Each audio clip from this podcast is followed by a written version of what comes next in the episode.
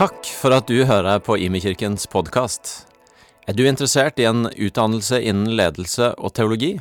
Gå gjerne inn på hlt.no slash stavanger og finn ut mer om heltids- eller deltidsstudier. God kveld. Så flott å se dere og få feire gudstjeneste med dere. Jeg skal uh, få begynne med å si noe kort om at om noen uker, som dere også så i en video her tidligere, så er det vårt privilegium å få være vertskap for masse, massevis av ungdommer som kommer hit på Impuls. Det er ja, fantastisk, ikke sant? Har, Impuls har vært, det nærmer seg 25 ganger. Og Det er et privilegium, det er ingen selvfølge at vi får lov til å hoste noe sånt. Og um, I fjor var det stappfullt. Det var desperate tilstander i uka før Impuls begynte. For folk tenkte at de kan jo sikkert bare komme i siste lita, og da var det sprengt. Uh, og prøvde å komme seg inn via slektninger og kjenninger i stab, og sånn, men det var bare ikke mulig. Og i år så er vi bare godt stykke foran det skjemaet igjen på påmelding. Jeg hørte i formiddag håper jeg det var sånn cirka rett, at 2300 som er signa opp per nå. Og enda er det noen uker igjen. Så det kommer til å bli fantastisk, og det kommer til å bli smekkfullt. Men det, kommer, det handler ikke bare om at det er fullt, men det handler om at vi har store forventninger til det Gud skal gjøre. Det skjer masse spennende blant unge mennesker i Norge i dag. Det er ikke bare Impuls, men mange andre ungdomskonferanser som opplever det samme. At det er sprengfullt.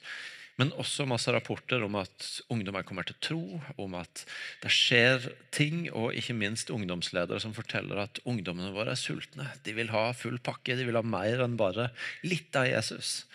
Og det gir masse forventninger. Og så har vi styret og stab for Impuls i opptakten til i år kjent at i år skal vi gjøre noe vi ikke har gjort før, som handler om å forberede den helga også i bønn. Ehm, så i ei uke før Impuls, fra torsdag 18. til torsdag 25. januar, så blir det en sånn bønnestafett. 24-7 bønnerom inne i bønnehuset her på IMI. Hele døgnet gjennom så er det åpent, det er bemanna, og det går en sånn kontinuerlig bønn for den helga. Fordi vi tror at det er en viktig del av å forberede det Gud vil gjøre i, i impulshelga. Og da er det sånn på den ene siden at Du kan komme inn når som helst og være med. Men det er også sånn at vi trenger noen som har signa opp og sagt jeg er der i det og det tidsrommet, sånn at vi vet at det alltid er folk der som holder bønnestafetten i gang, og som gjør at bønnehuset er bemanna. Uh, og Det betyr at enten du syns det høres uh, herlig ut å sette vekkerklokka på tre om natta, trille inn på IMI, få deg en kaffe i hånda og bare be for unge mennesker, eller du syns en tidlig morgen i kapellet høres, eller i bønnerhuset høres flott ut, du har ledig tid på dagtid eller mer tenker ettermiddag kveld, så er det altså, vi trenger at folk signer seg opp. Jeg har sjøl signa meg opp på noen sånne midnattsvakter. Jeg tenker rulle inn her sånn rundt midnatt og så få litt tid i bønn. Det må bli helt topp. Men vi trenger, hvis dette skal funke, at vi som menighet er med og mobiliserer i bønn i uka før. Så eh, Litt sånn eh, teknisk kluss med å få opp en QR-kode til i dag, så du bare kunne eh, skanne for å gå inn og registrere deg. Men gå inn på eh, Imekirkens Facebook- eller Instagram-side så ligger eh, link der til der hvor du kan gå inn og signe deg opp for sånne slotts i bønnehuset gjennom den uka. Håper at mange vil være med på det. Og Med det sagt så skal vi gå over i talen for i dag. Vi skal sette litt sånn uh, retning for å minne oss sjøl litt om det løpet vi er i som kirke. Så vi skal dele litt på det. Hvis noen av dere var på IMI-festen i, ja, i, november, så uh, ble det drevet såpass mye gjøn med disse paneltalene til meg og Geir og Han Therese at i dag så har vi droppa panelet, og så skal vi heller tale etter hverandre. Så nå skal jeg begynne, og så kommer uh, Geir og Han Therese etterpå. Uh, og så skal jeg jo bare si, uh, for de som følger veldig godt med og uh, tenker på ting, at grunnen til at jeg stikker rett etter at jeg har gjort mitt, er ikke fordi jeg ikke syns det er kjekt å høre på de, eller at noen har fornærma meg. Men før vi kom på dette, så hadde jeg lovt at jeg skulle være et annet sted og tale klokken syv. Så jeg skal skynde meg. Med det sagt Med det sagt så eh, skal jeg begynne med å eh, sette retning med å si eh, Litt før jul så satt jeg og snakka med en person jeg er veldig glad i. Og denne personen begynte å snakke om det å høre til. Det å Hvor er jeg hjemme? Hvor hører jeg til? Hvor er mitt tilholdssted? Og eh, det er en person som ikke bor der hun kommer fra. Det er ingen i familien som bor der. Og hun, ettersom åra gikk, eh, har kjent mer og mer på ja, men hvor hører egentlig jeg til? Hvor er mitt sted? Hvor er hjemme for meg? Og Så satt vi og snakka sammen om det. og eh, Jeg og Hildegunn kommer jo heller ikke herfra. Vi er innflyttere her i Stavanger begge to. Vi har litt familie her, men ikke masse. Eh, og Samtidig så satt vi ikke helt med samme følelsen. Vi opplevde en tilhørighet der vi er nå og bor nå. Og så gikk nå den samtalen. Dagen etter så reiste vi sammen eh, på IMI. Og når vi kom tilbake, så sier denne gjesten vår at um, i forhold til det vi snakka om i går, det er jo én ting som jeg ser at er med i ligninga av dere, som ikke jeg har, og det er det fellesskapet dere har her i IMI. Jeg ser jo at det å høre til der, det å um, være en del av det fellesskapet, det skjønner jeg at gjør et eller annet med det å høre til. Og det der med hvor, hvor er hjemme? Hvor hører jeg til? Hvor er mitt sted? Det er noe som er viktig for oss mennesker. Og det å få høre til i et fellesskap, det betyr kjempemye. Men så er det også sånn at Paulus han skriver i Filipperne 3, 20, Vi har vår borgerrett i himmelen, og derfra venter vi Frelseren, Herren Jesus Kristus. Vi har vår borgerrett i himmelen. I Bibelen så står det på den ene sida masse som oppmuntrer oss til å høre til der vi bor her i denne verden. Til å se menneskene rundt oss, til å søke det gode for byen vi bor i. Til å være en del av inkarnasjonen, som Bibelen kaller det. Hvor, hvor Gud flytta inn i nabolaget, og hvor, hvor, vi blir invitert til å være med i samme bevegelse og flytte inn i vårt nabolag. Det som handler om å høre til her. Men så ligger der samtidig den eh, liksom, dype tilhørigheten som er knytta til at Men vi hører også dypest sett til et annet rike. Vi har vært hjem et annet sted. Vi har vår dypeste tilhørighet i en annen virkelighet enn bare det som er rundt oss her. Vi har vår borgerrett i himmelen. Vi hører til et rike hvor det er en annen herre. Og det er også en del av vår tilhørighetsfølelse.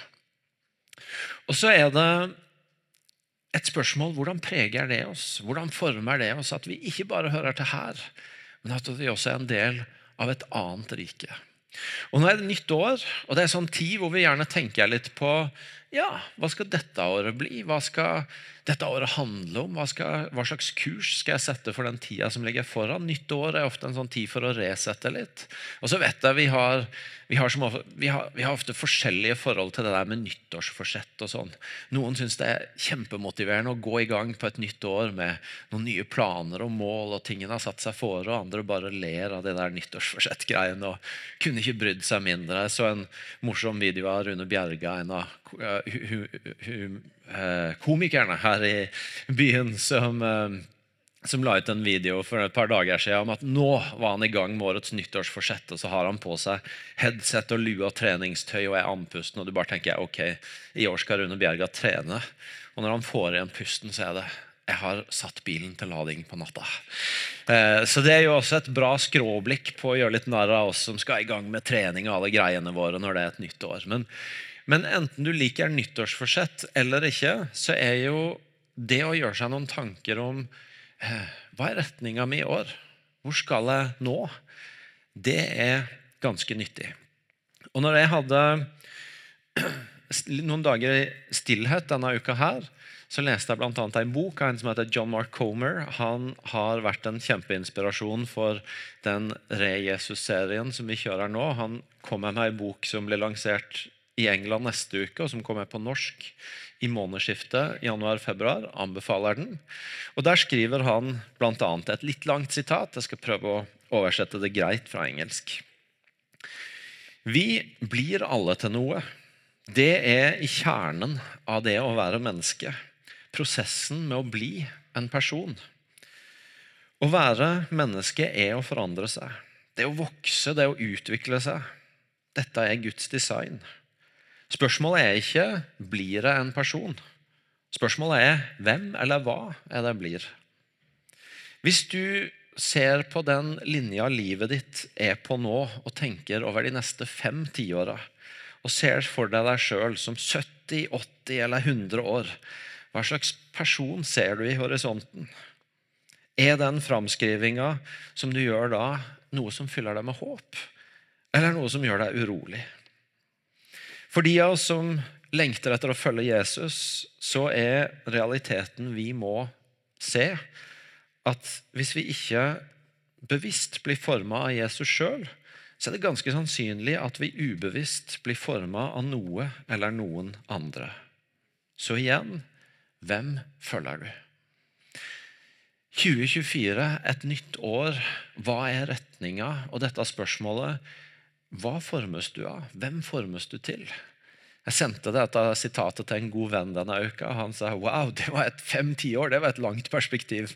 De fleste strever med å tenke tre og fem år fram, men hvis jeg kan tenke så langt, så er det jo håp for meg òg, skrev han. Ehm, men det er noe med det der eh, Hvem former seg til? Hvem former seg av? Og så er noe av eh, muligheten vår det å spørre hvordan kan dette få være et år hvor jeg formes mer av Jesus?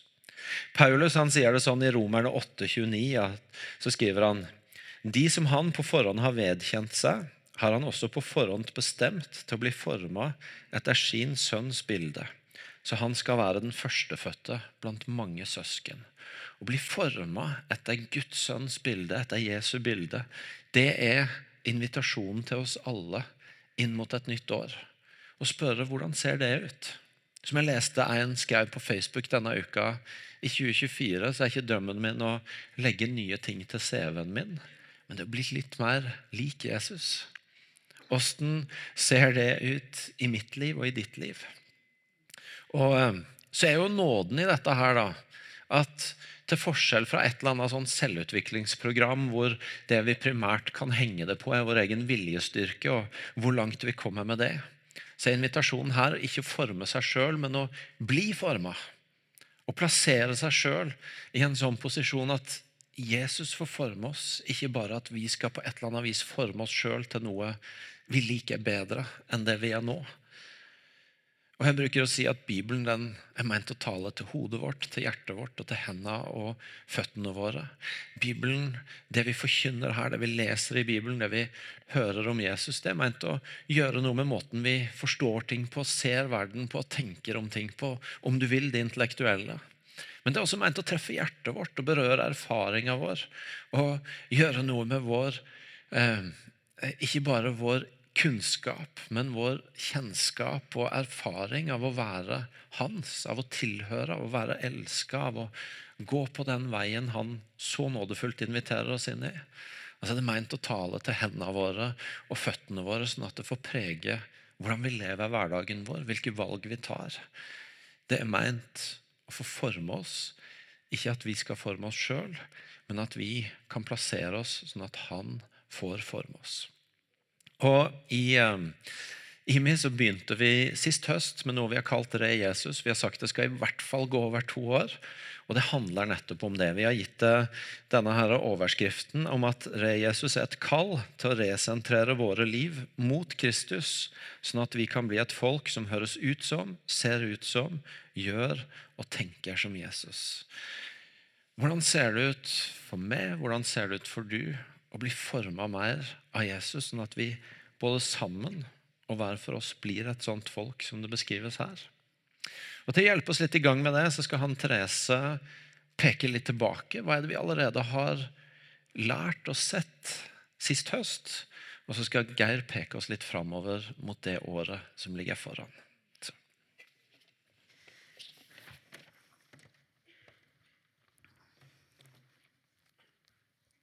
Re Jesus.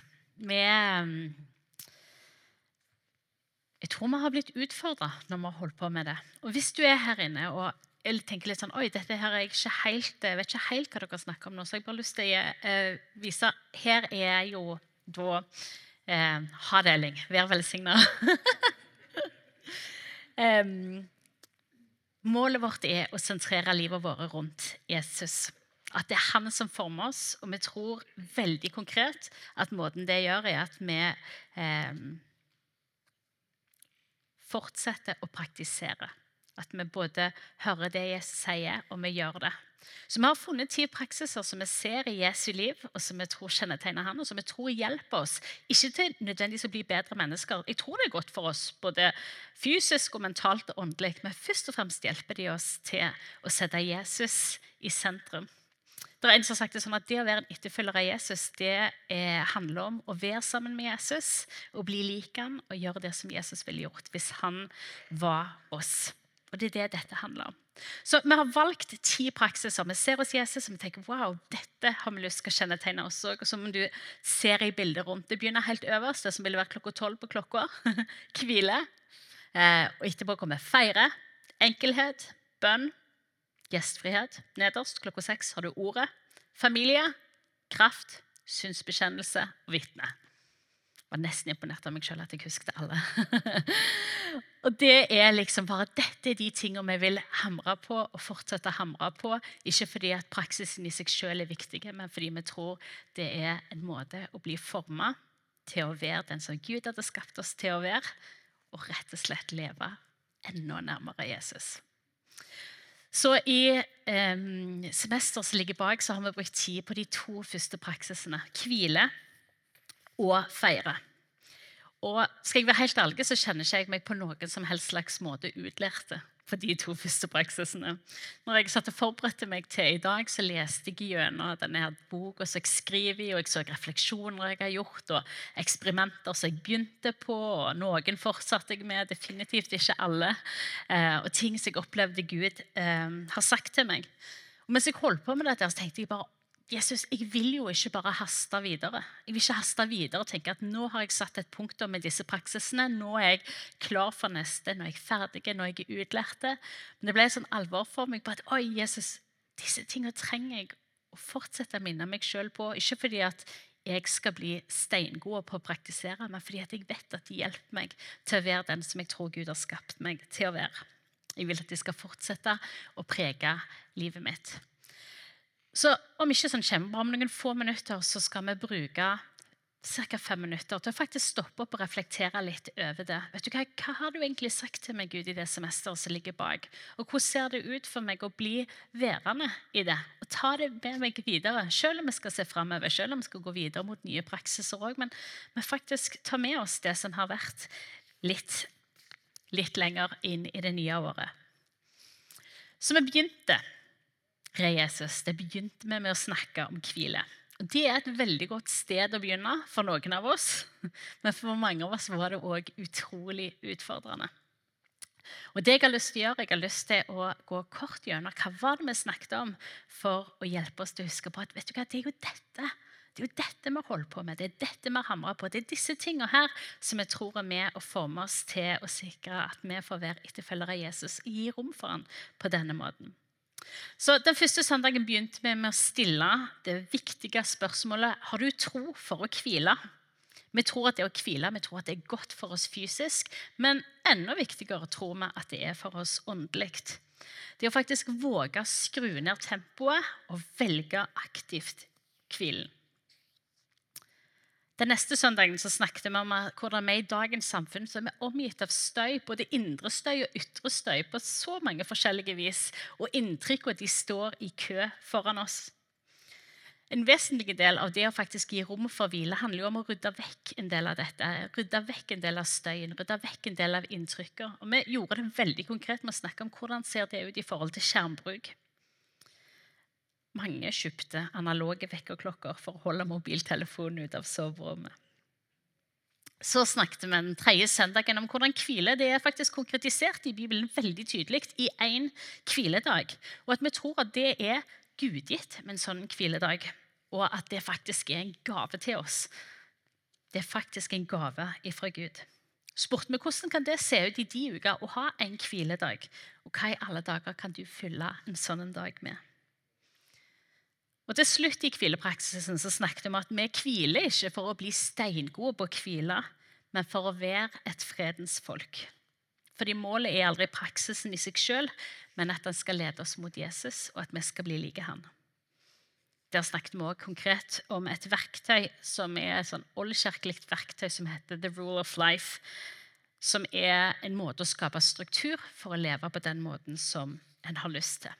Og la meg si det sånn, Nå var det en rask gjennomgang av disse. Alt dette her er på podkast, så hvis du vil ha mer kjøtt på beina, så kan du høre de.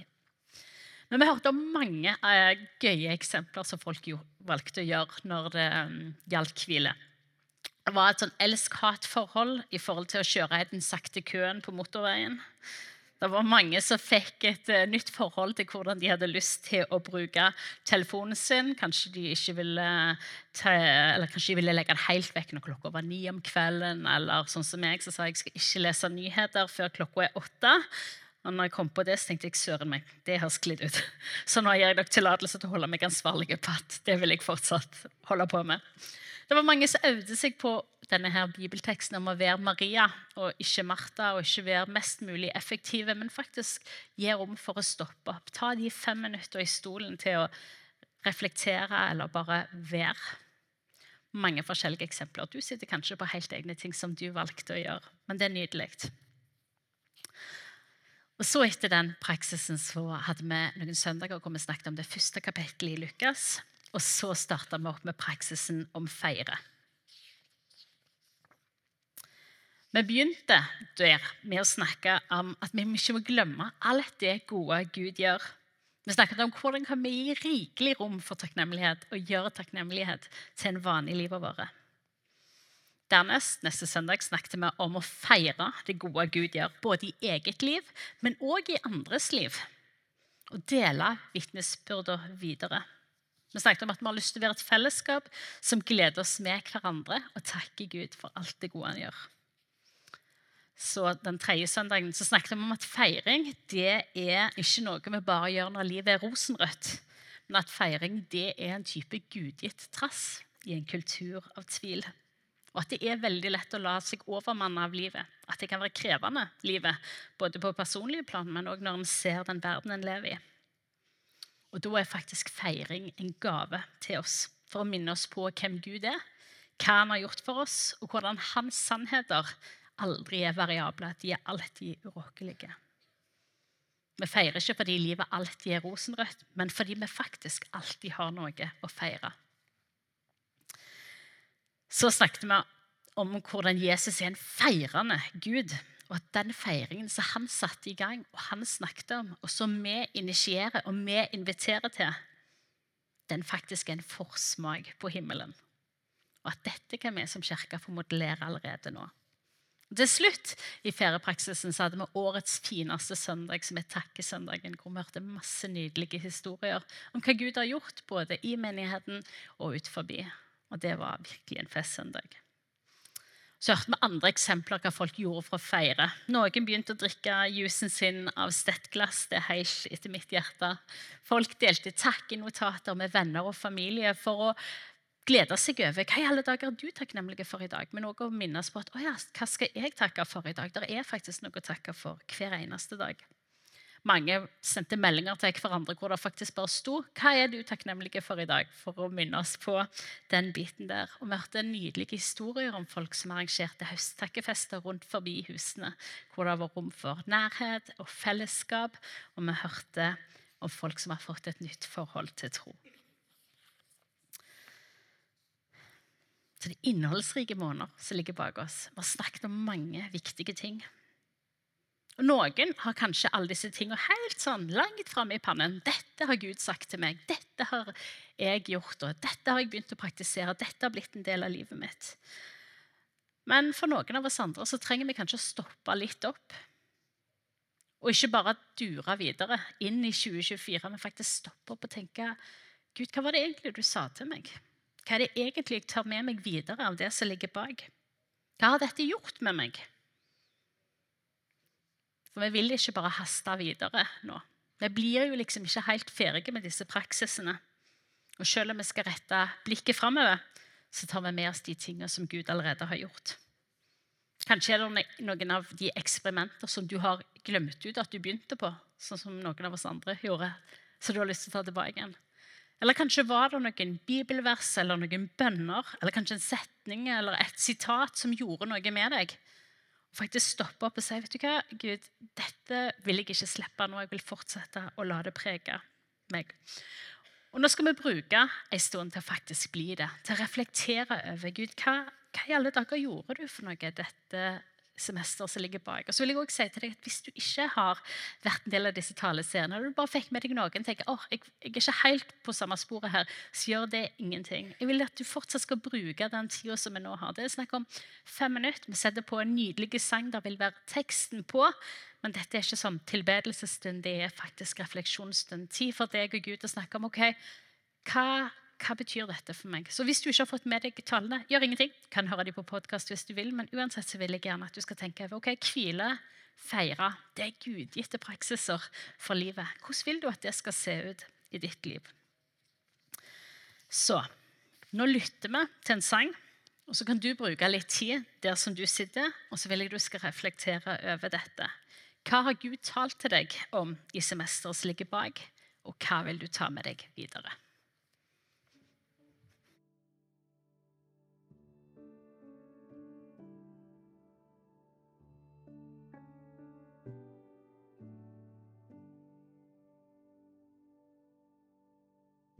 I wanna walk just like you. I wanna talk just like you. Lord, keep my eyes on you. Take up my cross just like you. Lay down my life just like you. Lord, keep my eyes on you. No turning back no turning back. I have decided to follow Jesus. I have decided to follow him.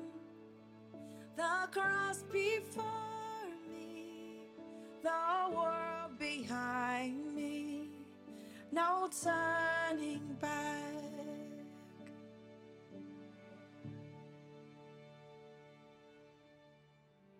I wanna walk just like you. I wanna talk just like you. Lord, keep my eyes on you. Yeah.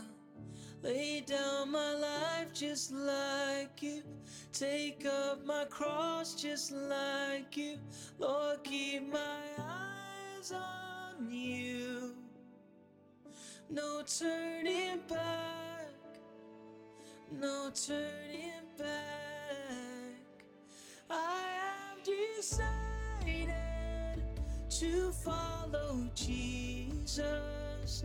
I have decided to follow Him.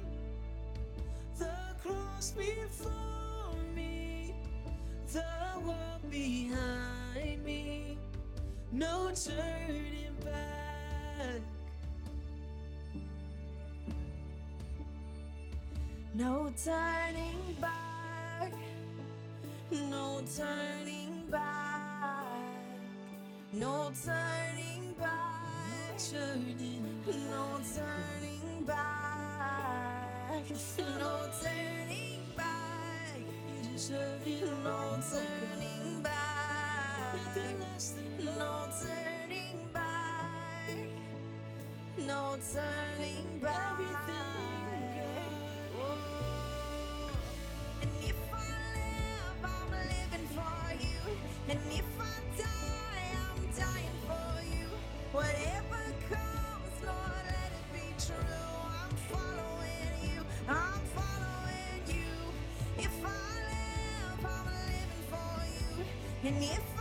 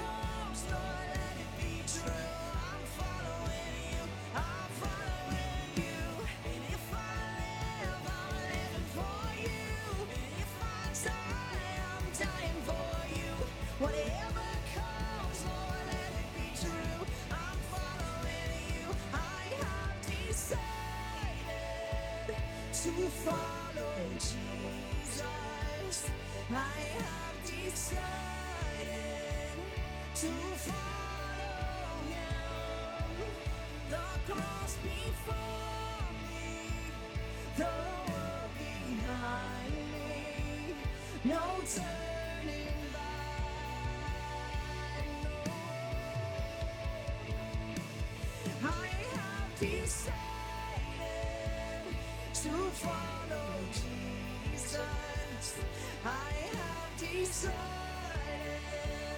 to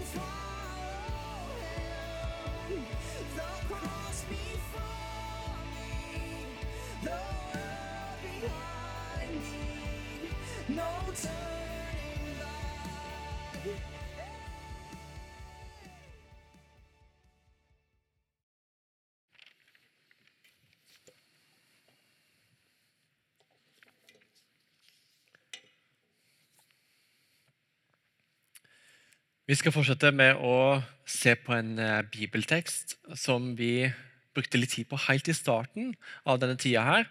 Vi skal lese fra Lukas eh, 6, vers- vers 46 til 49. Hvorfor kaller dere meg Herre, Herre, og gjør ikke det jeg sier? Det er Jesus som sier dette. her. Den som kommer til meg og hører mine ord og gjør det de sier, jeg skal vise dere hvem han ligner.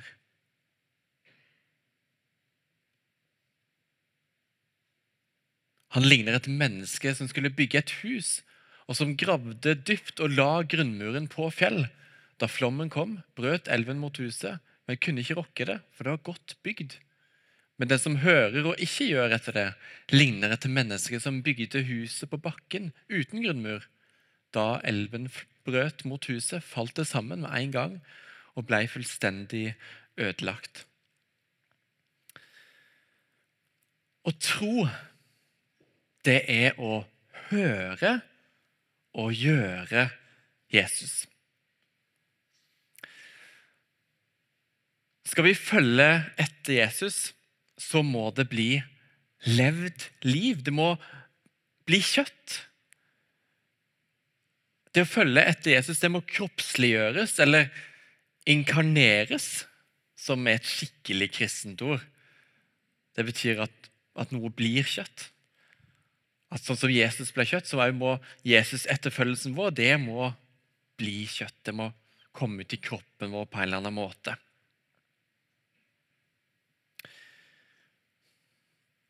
Fordi troa på Gud, at Han holder oss oppe, det får en helt annen dimensjon når vi går ut på vannet. Når vi har beveget oss ut på vannet, da skjønner vi på ordentlig at dette holdt. Troa må bli konkret, det må bli praktisk, føre til at vi tar andre valg. Må koke ned til noe som kommer ut i hendene våre, føttene våre, øynene våre, ørene våre, munnen vår osv. Tro er ikke teori. Men noen som har sagt at tro det staves risiko.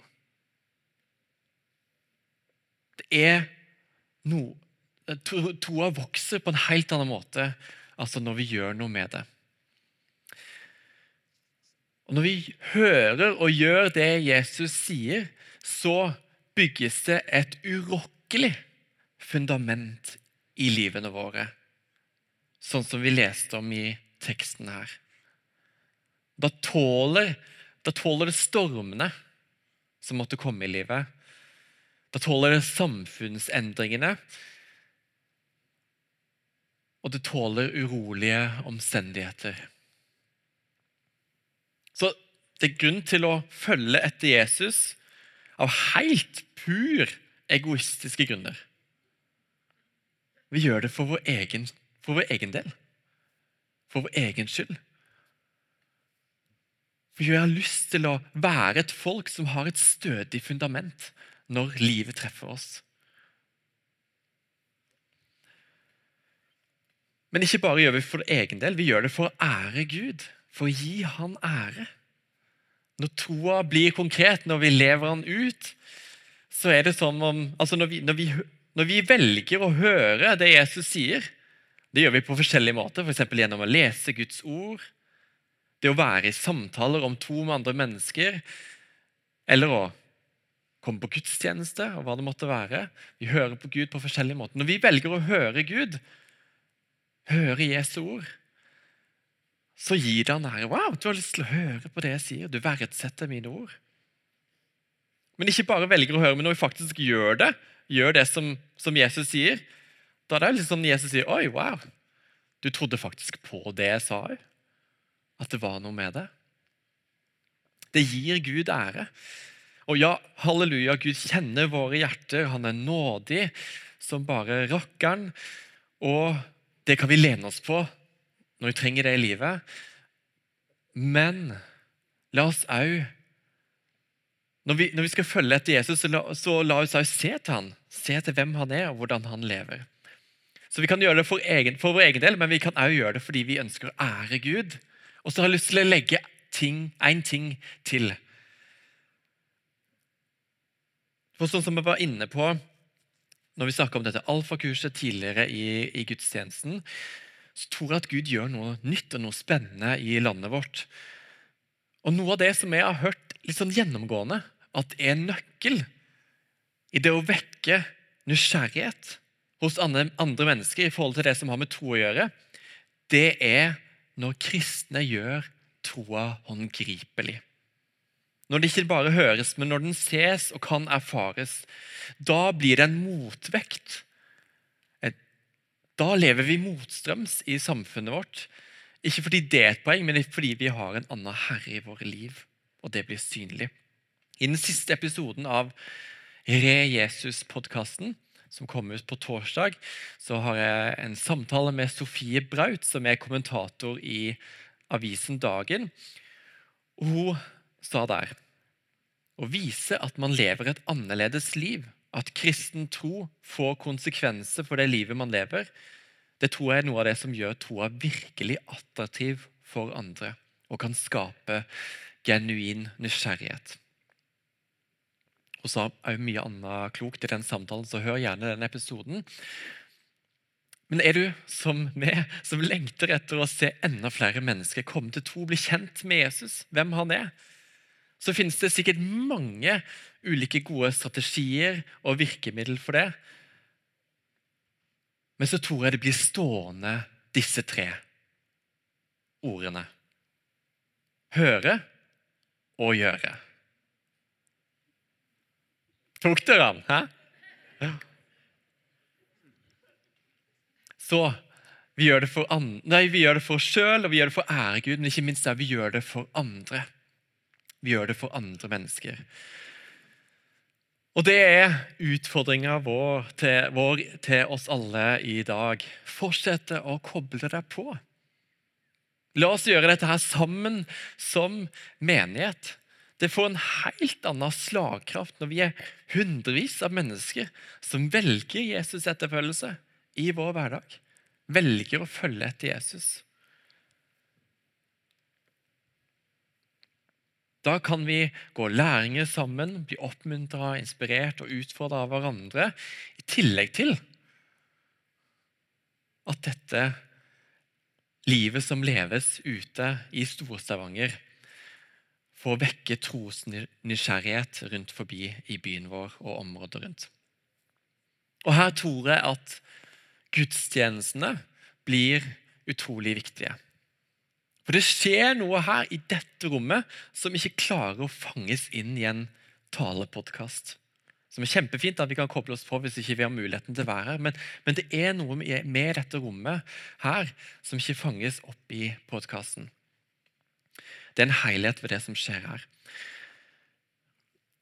Og Kanskje det betyr at noen av oss eh, blir litt utfordret på å ta noen andre valg i forhold til det som har med prioriteringer og regelmessighet i forhold til søndagene. Og Kanskje også det betyr å ta det valget når det også måtte være litt ubeleilig. Kanskje det betyr at vi må komme litt tidligere hjem fra hytta når vi har vært på hytta i helga. Kanskje vi, at vi velger å fortsatt være her når ikke været var sånn superbra, eller at det var superbra. Som er jo veldig sjelden i Stavanger, som jeg skjønner at det gjør det ekstra vanskelig å ta et sånt valg. Men la oss ikke bli væravhengige, men, og heller ikke bli så fanga av at jeg liker så godt den musikkstilen, og den har de ikke her. Eller de der talerne her de er litt sånn OK pluss-minus, ish, et eller annet der. Men ta et valg om at vet du hva, jeg, jeg tilhører her, og jeg kobler meg på dette. Og jeg vil gjøre det regelmessig. Jeg husker jeg eh, hadde en vigselsamtale med noen som skulle gifte seg for jeg tror det kanskje er sånn eh, seks år siden. ish. Eh, og I den samtalen så, eh, så sa de til meg at en ting vi har bestemt oss for i ekteskapet, det er at vi skal alltid gå på gudstjeneste. Det er sånn valg som vi bare tar om at ok, det, det skal vi gjøre uansett. Det skal ikke, være, skal ikke svinge ut ifra humør eller følelser osv. Og, og jeg kan si at uh, seks år inn i det ekteskapet så er, er de noen av de mest trofaste som, som hører til her. Jeg synes Det var så inspirerende å ta et sånt valg sammen. om at det, det gjør vi. Hadde et annet, en annen samtale før eh, jul eh, med et eh, ektepar i 50-åra her i IMI som også sa, at- sa til meg det, det kan du vite. Vi hadde en kveld sammen, kjempefint. Og så sa de det kan du vite. Vi skal alltid vi, vi har valgt at her, her hører vi til. Her skal vi komme på gudstjenestene. Her, dette, er vårt, dette er vårt fellesskap. Her tilhører vi. Det kan regne, regne med oss. Og så hadde jeg lyst til å si at eh, til dere som er barneforeldre Jeg snakker av erfaring her. at eh, Vi har en gudstjeneste klokka 11 hvor det er mange barnefamilier. Kjempefint å være der. og Der følger man gjerne barna litt med på grupper og sånne ting, og får med seg det som skjer der. Men jeg har lyst til å gi et tips videre. at Hvis du er i den eh, gruppa eller den kategorien, så har jeg lyst til å oppmuntre til at en av foreldrene kan komme på gudstjenesten på kvelden. Om man ikke får med seg gudstjenesten her for eh, voksne på morgenen. Da får man både litt voksentid, men òg det er noen andre som gjør legginga av barna veldig sånn praktisk. To fluer i én smekk der. Så det jeg hadde lyst til å si og utfordre på, er velge søndagen. Det er den gode arenaen for å høre. Som vi snakker om når vi snakker om å høre og gjøre. Det er den gode arenaen for å høre. Ta imot Jesu ord. Men òg velge det mindre fellesskapet, som er den gode arenaen for å gjøre. For å utforske, eksperimentere, finne ut av hvordan ser dette her ut i, i mitt liv. Og Vi strukturerer det her i vår kirke som huskirker, mindre fellesskap som møtes i ukedagene. Eh, Og Du er så velkommen til å være en del av en huskirke hvis du ønsker det. Hvis du kjenner at det av ulike grunner ikke er helt tida for det, hvem andre er det du har lyst til å gå sammen med da? Og velge at vi skal ha dette fokuset denne, denne våren her sammen. For, for Vi et, gjør tilgjengelig et opplegg som går an å ta med i mindre grupper, som ligger på rejesus.no for hver søndag i denne perioden. Så det er en kjempegod mulighet til å, om man ikke hører til i et huskirkefellesskap, likevel velge noen folk som man møter regelmessig, og få gå litt prosesser sammen med. Og Jeg snakker totalt av egen erfaring. At jeg holder bare et lite stykke hvis jeg skal gjøre dette her i, sånn alene. Jeg trenger et fellesskap sjøl, et mindre fellesskap, hvor jeg kan snakke om disse tingene med. For jeg, det er ting jeg utfordres med, ting kanskje jeg er uenig med, kjemper litt med. Og ikke minst så er det så godt å bare Hvis jeg har lyst til noe bestemt meg for noe, og vite at ok, de vil backe meg i dette her. Og neste gang så vil jeg kanskje få spørsmål på ja, hvordan gikk det med dette. her? Hva var utfordrende med det? Hva lærte du? Og videre. Den helt den konkrete hjelpen der trenger jeg for å få dette her til. Det er så lett at ting ender ut i ingenting hvis vi ikke står sammen med andre. Så det var litt sånn tydelige utfordringer på tampen av talen i kveld. Velge søndagene denne våren her. Legge litt planer ut ifra det, at vi får med oss de søndagene. Og velge å fortsette å tilhøre mindre fellesskap. Eller begynne å tilhøre mindre fellesskap som man kan vandre sammen med. Og så skal vi Nå eh, er det to søndager til. Vi fortsetter på den tredje, tredje praksisen i, i den, denne her, eh, eh, hjulet. Jeg vet ikke om det er riktig å kalle den rundingen med de symbolene. Eh, så det er det bare å glede seg til. Jeg skal ikke ta noe på forhånd. da. Du får bare ha forventninger når du kommer den søndagen. Men det jeg hadde lyst til å gjøre på slutten nå, er at Eller eh, si det på en annen måte, hver gudstjeneste her så inviterer vi til forbønn, hvor du kan bli bedt for av mennesker som kanskje du bærer på forskjellige ting, sykdom, smerte, andre ting som er utfordrende, eller hva det måtte være, så er det folk som vil be for deg. Syns vi er kjempefin mulighet som både jeg og har benytta meg av mange ganger og har hatt betydning for meg. Det vi hadde tenkt til å gjøre i dag, var at vi eh, inviterer alle forbedere, enten du er forbeder på, på den gudstjenesten i dag eller ikke, om du er forbereder i vår kirke eh, eller stab, til å komme fram her og stille oss på en rekke med ryggen til scenen. Og så inviterer alle oss som er her, til å komme fram under eh, litt lovsang som spilles av, og vi kan synge med på det. Men komme fram og bli velsigna av Gud for det semesteret som ligger foran. At uansett hva, hvor du måtte være henne i forhold til både Kanskje, kanskje ikke du tror engang på Gud, eller du er usikker på om du tror, eller du definitivt tror på Gud, og du har lyst til å finne ut av dette her med e- etterfølgelse av Jesus. Uansett hvor du måtte være, så har vi lyst til å gi deg en invitasjon til å komme fram og, og bli bedt for. Og Da er det sånn vi gjør det her på en, en trygg og god måte, hvor em, em, menn blir bedt for av menn, og damer av damer. Eh, og når du kommer fram her, så denne gangen så trenger du ikke si noe. Da bare vet du at de som er forbedret her, de vil gjerne legge en skulder på Nei. Det skal vi begynne med framover. Det er noe nytt. Nytt dette året. Legg i hvert fall en hånd på skuldra hvis du syns det er greit, og be en velsignelsesbønn for, for du og dette året. Så her er du invitert til å være en del av det. Så lovsangstimen kan komme opp nå. Eh, og så reiser vi oss opp alle sammen. Og det kan vi gjøre nå. Reise oss opp. Og Hvis du kjenner at eh, det er fint å vente litt før du går fram og blir bedt for, så vær litt i lovsangen og vær med litt på sangene. Vi skal bruke litt tid på det før vi, før vi går videre, så ikke stress med det. Men hvis du kjenner at vet du hva, jeg er klar til å bare bli gang, bli, bli bedt for og bli velsigna for dette semesteret, så, så gjør du det. Og så avslutter jeg med å be en bønn for oss alle, og så fortsetter vi med lovsang og bli velsigna her framme.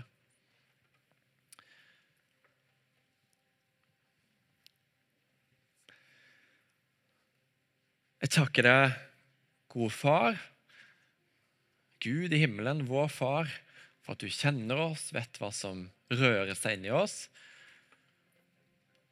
Og takk for at du vet hva som ligger foran dette semesteret. Så jeg har lyst til å si til deg, Jesus, at du, du er herre, og vi ønsker at du skal være herre i våre liv. Vi ønsker at du skal ta plass og få rom. Og takk for at du gir oss alt det vi trenger. I livet, men òg som etterfølgere av du, Jesus. Takk for at vi skal få bli lik du, Jesus. At du skal forme oss, og vi skal se til du at det først og fremst skal prege oss og forme oss mer enn at dette skal bli stress og jag og styr og enda en ting vi skal få til. Så for de av oss som kjenner at det er litt sånn at oh, når det er enda en ting som legges til på tallerkenen, så ber vi Jesus, kan du bare ta det bort? Og så kan vi få komme som vi er. Og så ber vi om at eh, skal, du skal skape en forandring, at du skal skape liv. At vi legger dette her hos du, Jesus. Mer enn at det ligger hos oss. Så kom, Hellige Ånd. Vær oss nær og velsigne oss dette semesteret som ligger foran. Amen.